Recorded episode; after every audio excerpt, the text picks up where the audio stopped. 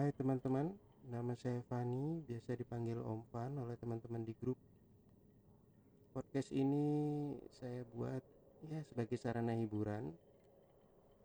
Kita akan menceritakan beberapa cerita-cerita misteri.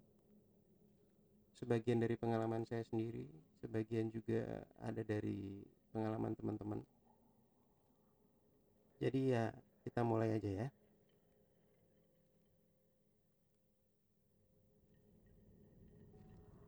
Untuk episode pertama ini saya akan menceritakan pengalaman saya sendiri. Ya, kisah ini terjadi di tahun 2001 kalau nggak 2002. Saya kurang ingat tepat tahunnya, tapi ya antara dua itulah 2001 atau 2002. Semester-semester awal saya kuliah di Surabaya. Jadi eh, waktu itu kita liburan semester.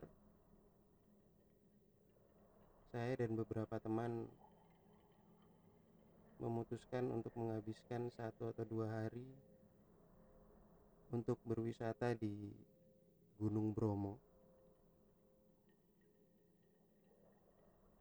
Akhirnya ya kita berkumpul kurang lebih 13 orang waktu itu.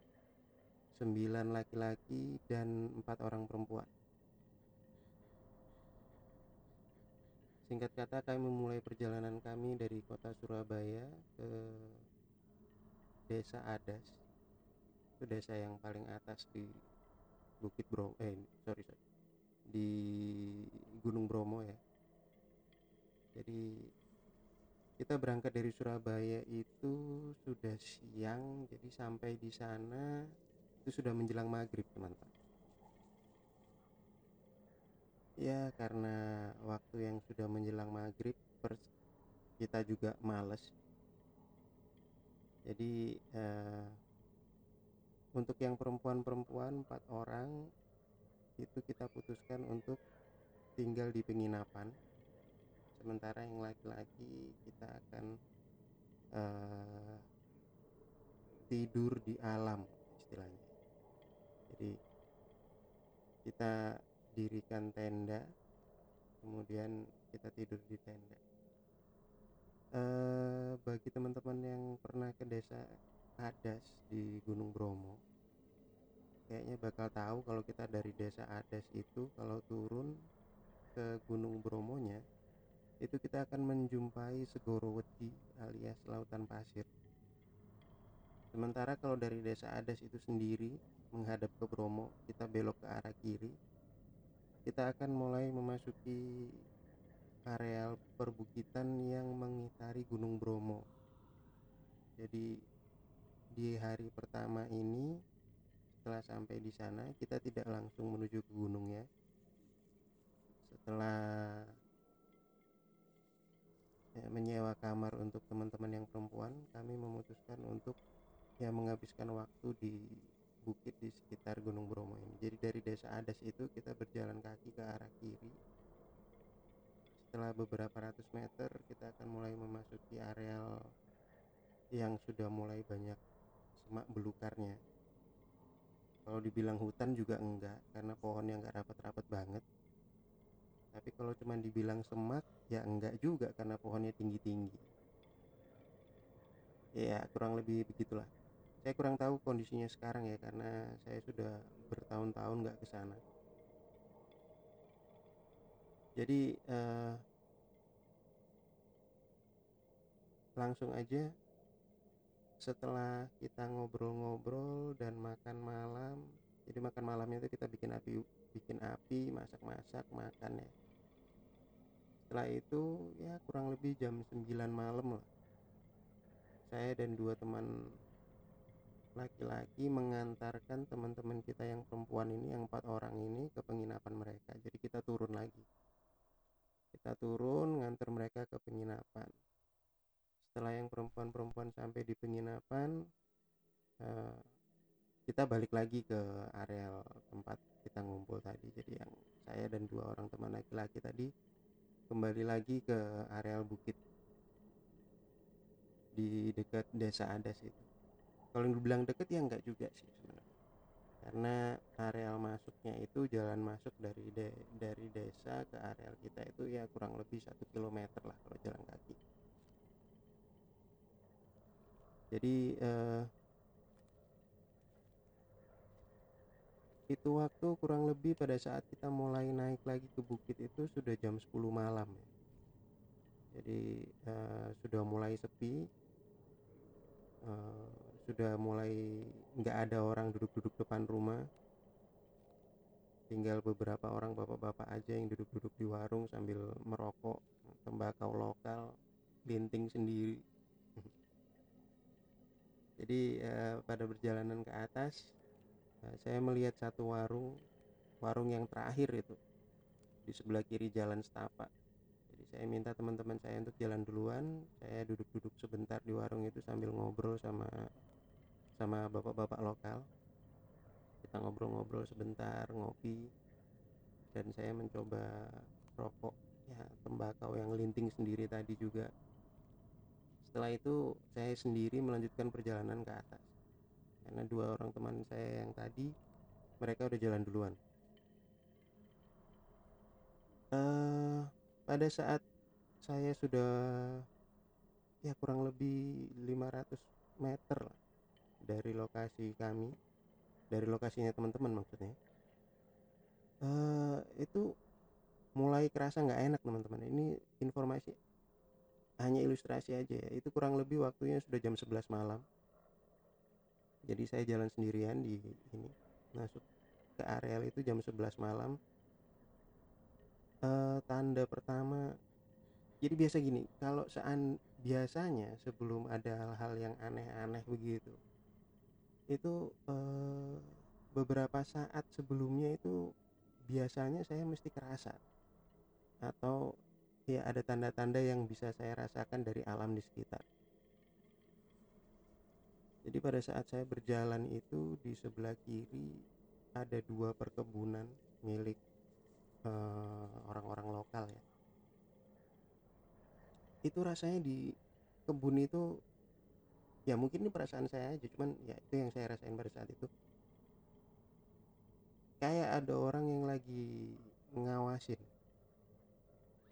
Jadi ini ini kondisi di mana nggak ada penerangan ya. Jadi penerangan yang ada di saat itu ya bener-bener ambient slide doang. Dari rumah penduduk yang udah jauhnya banget. Kemudian dari center yang saya bawa sendiri uh, itu saya ngerasain kayak ada yang ngeliatin gitu di kebun du dua kebun yang saya lewatin.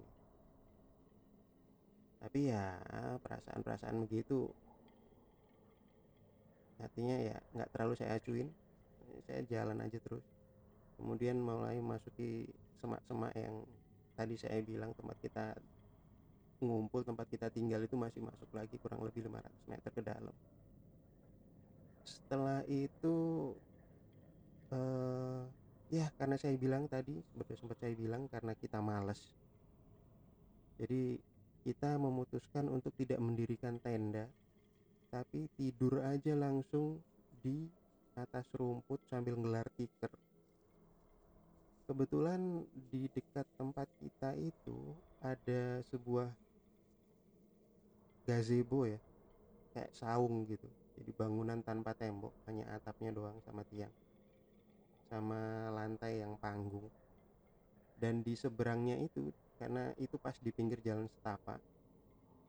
Di seberang jalan setapaknya itu ada bangunan yang udah rusak. Sepertinya itu bekas WC umum. Ya, tapi bangunan udah rusak udah nggak dipakai udah dikelilingi semak belukar ya. semaknya aja tingginya kurang lebih semeter. Pencahayaan yang ada ya cuman waktu itu nggak ada bulan jadi pencahayaan yang ada itu ya cuman dari api unggun yang kita buat. Sama senter yang dimainin sama teman-teman. Jadi uh, oke okay, sampai di situ biasa lah kita ngobrol-ngobrol terus ya namanya anak-anak kuliah cowok ngumpul-ngumpul bareng. Uh, ada yang bawa minuman juga jadi ada sebagian teman yang minum-minum kemudian ngobrol-ngobrol sambil ketawa-ketawa main-main. Jadi ada satu teman saya ya supaya gampang nyeritainnya kita sebut aja namanya caps lock jadi si caps lock ini dia duduk-duduk di di saung tadi sambil mainin center kebetulan center yang dipakai itu centernya saya. Di center ini uh, pakai lampu halogen. Terang banget. Asli terang banget. Dia dari saung itu duduk-duduk di pendopo itu nyalain center sambil sorot-sorot ke seberang jalan setapak ke areal hutan yang ada di seberangnya. Saya jadi ke areal ke tempat yang tadi ada bangunan rusak tadi yang saya bilang? Dan itu cahayanya terus juga lewat terus sampai ke hutan di belakangnya. Nah eh, ini sekedar heads up aja untuk teman-teman ya. Jadi kalau teman-teman di areal-areal seperti itu itu kalau bisa malam ya kalau kalian memutuskan untuk pakai center nggak usah nyorot ke tempat-tempat yang lu nggak pengen lihat. Jadi dia mainin center nyorotin atapnya bangunan itu. Kebetulan saya sama dua orang temen yang lain itu kita nggak di pendopo kita nggak di saung itu kita di sampingnya. Jadi kita memutuskan untuk tidur di bawah pohon pohon cemara itu. Tinggi banget pohonnya pohon cemara apinya itu kita buat ya pas di pinggir jalan karena kita nggak mungkin bikin api deket bangunan. Ya bahaya ya. Terus uh, ya saya sama dua orang teman yang lain itu lagi duduk-duduk di bawah pohon. Dua teman saya yang bareng saya ini udah nggak duduk sih mereka lagi posisi baring-baring sambil ngelihat ke atas pohon karena kita di bawah di bawah pohon ini kalau baring otomatis kita ngelihat ke atasnya. Saya masih duduk. Saya ngelihat ke arah cahaya sorotan yang sorotan center yang tadi dinyalain sama kapsul. Di sini ceritanya mulai jadi menarik. Awalnya sih kerasanya itu adalah apa ya uh, ya biasa alam sekitar lah ya kalau kalian masuk ke hutan ke ini daerah-daerah yang masih masih hidup uh, lingkungannya masih banyak hewan-hewan kecil itu kalau malam tuh rame banget. Suara jangkrik suara ya suara-suara hewan-hewan malam suara-suara serangga malam.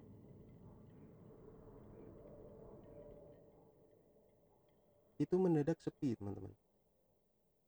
Jadi nggak ada suara hening uh, saya yang udah berapa kali ngalamin kejadian-kejadian kayak gini langsung ngeh. Kayaknya sesuatu bakal terjadi. Dan bener aja itu di sorotan cahaya lampunya senter yang dinyalain sama si kapsulok tadi mulai uh, awalnya sih nggak kelihatan bener-bener awalnya nggak kelihatan bener-bener apa ya mewujud ya jadi awalnya itu hanya seperti asap tipis. Hanya seperti asap warna kelabu atau putih.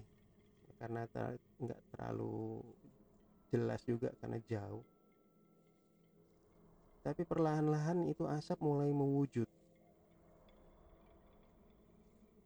Berupa uh, itu asap mewujud membentuk perempuan perempuan pakai daster putih rambutnya panjang itu duduk di atas atap bangunan yang rusak tadi.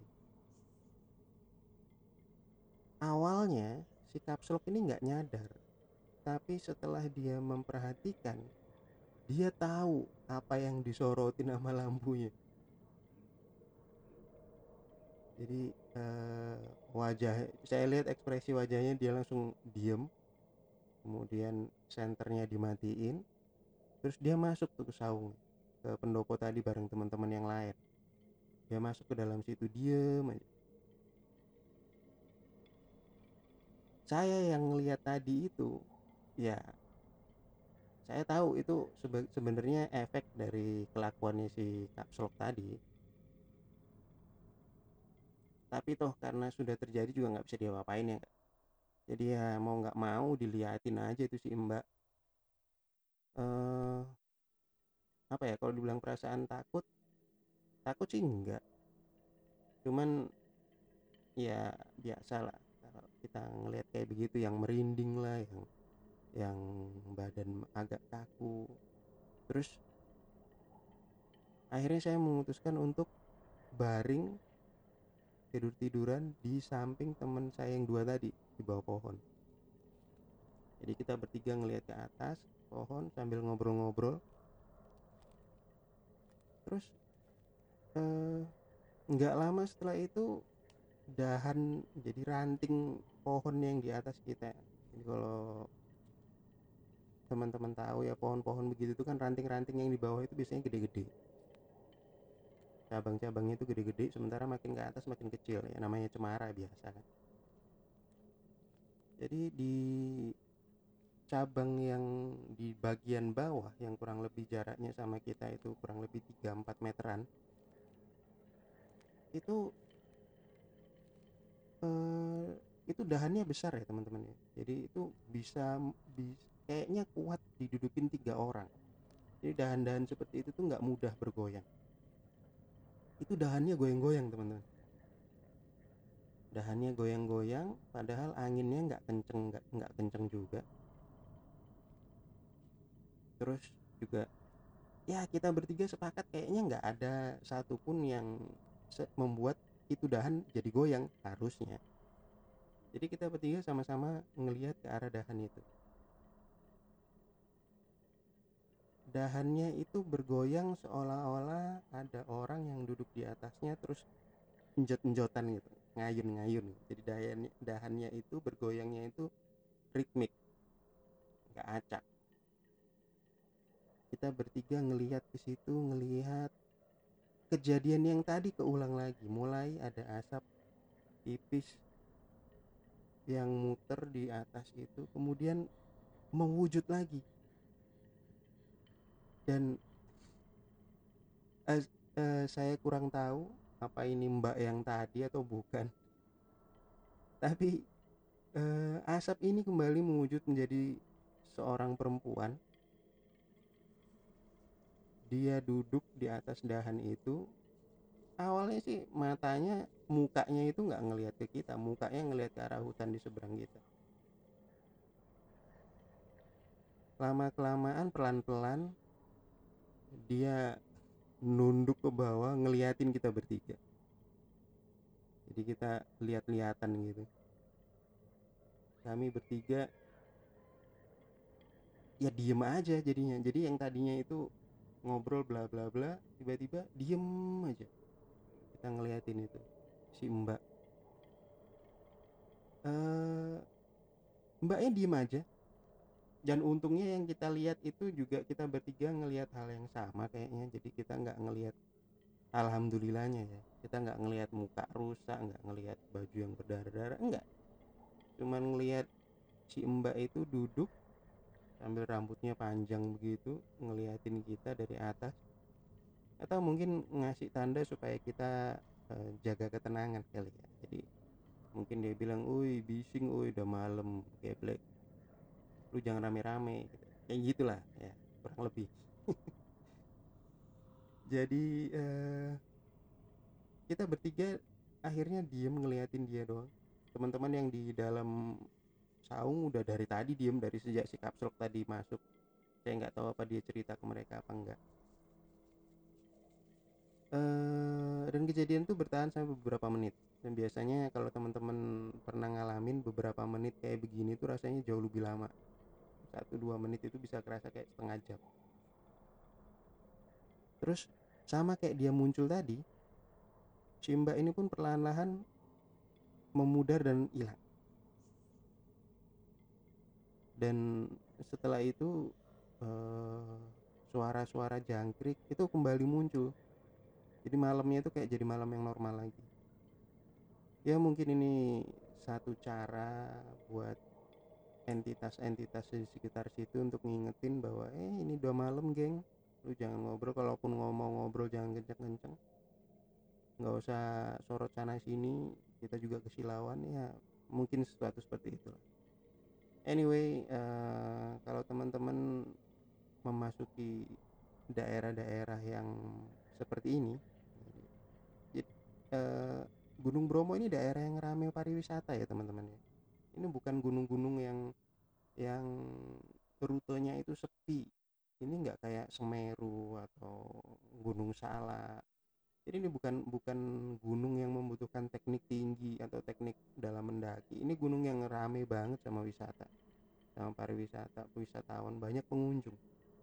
Jadi kalau di tempat-tempat yang ramenya seperti ini aja kita kami waktu itu masih bisa ngelihat hal-hal yang seperti itu ya sebenarnya resikonya bisa dua kali tiga kali lipat lebih tinggi kalau teman-teman melintas di daerah yang jauh lebih sepi. Uh, jadi ya sebaiknya sih kalau memang masuk ke daerah-daerah seperti itu jaga perilaku jaga sopan santun. Nggak usah aneh-aneh. Ya saling menjaga lah. Ya itu cerita pertama itu episode pertama saya di sini hmm, kalau teman-teman ingin sumbang cerita bisa kirim ke alamat email saya. Nanti ada di di deskripsi bisa bisa dilihat. Oke okay, uh, eh, ya yeah. semoga menghibur. Thank you ya guys. See you next time